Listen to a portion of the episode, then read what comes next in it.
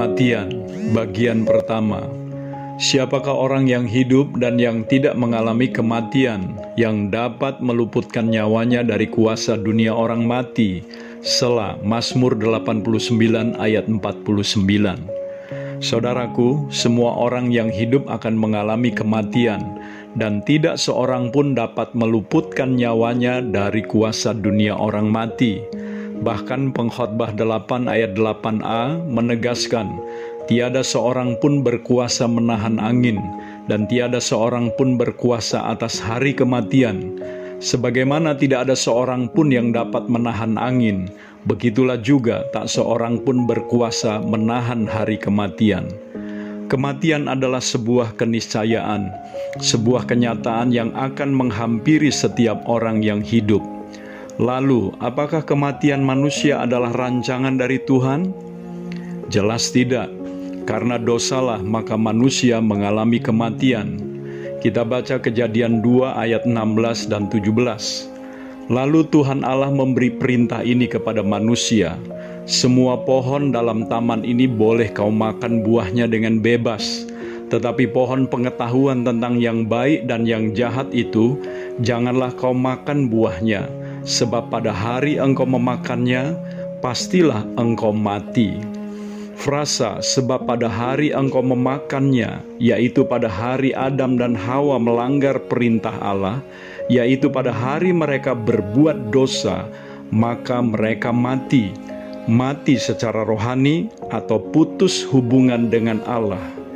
Akibat selanjutnya, manusia juga mengalami kematian secara fisik.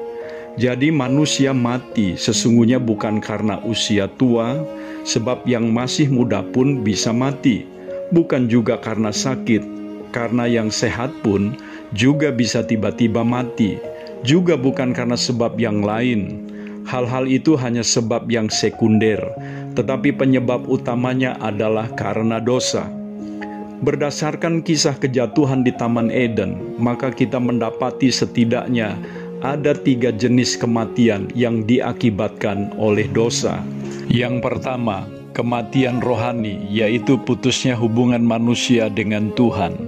Efesus 2 ayat 1 dan 2 mengatakan, Kamu dahulu sudah mati karena pelanggaran-pelanggaran dan dosa-dosamu. Kamu hidup di dalamnya karena kamu mengikuti jalan dunia ini karena kamu mentaati penguasa kerajaan angkasa, yaitu roh yang sekarang sedang bekerja di antara orang-orang durhaka. Pernyataan ini menunjukkan bahwa dahulu sekalipun mereka masih hidup, tetapi di hadapan Tuhan mereka sesungguhnya telah mati karena dosa.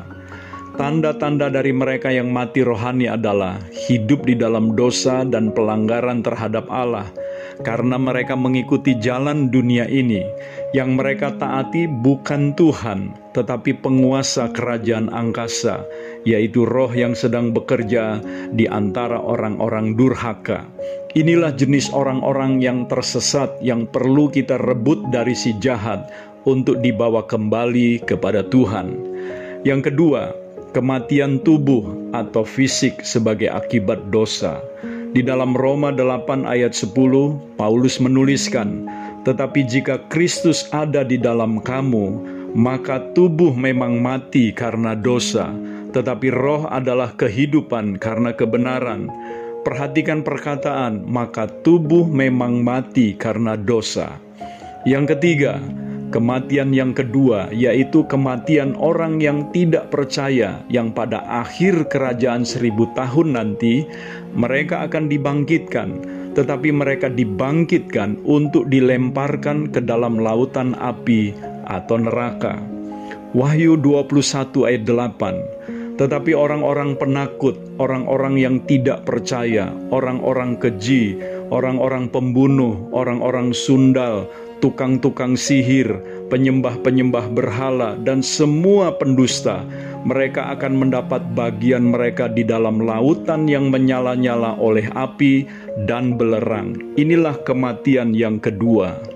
Jika kematian rohani tidak diselesaikan melalui pertobatan dan percaya serta menerima Yesus sebagai Tuhan dan Juru Selamat, maka setelah seseorang mati secara tubuh, dia akan mendapatkan bagiannya di dalam lautan yang menyala-nyala oleh api dan belerang. Berita baiknya, Tuhan tidak menginginkan kematian orang fasik, tetapi menginginkan pertobatan mereka agar mereka diselamatkan.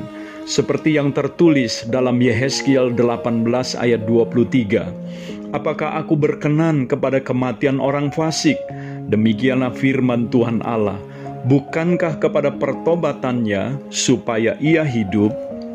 Allah merindukan pertobatan manusia agar ia dapat menyelamatkan mereka dari kematian yang kedua. Saya Theo Barahama, Bring Heaven Home, Tuhan Yesus memberkati saudara.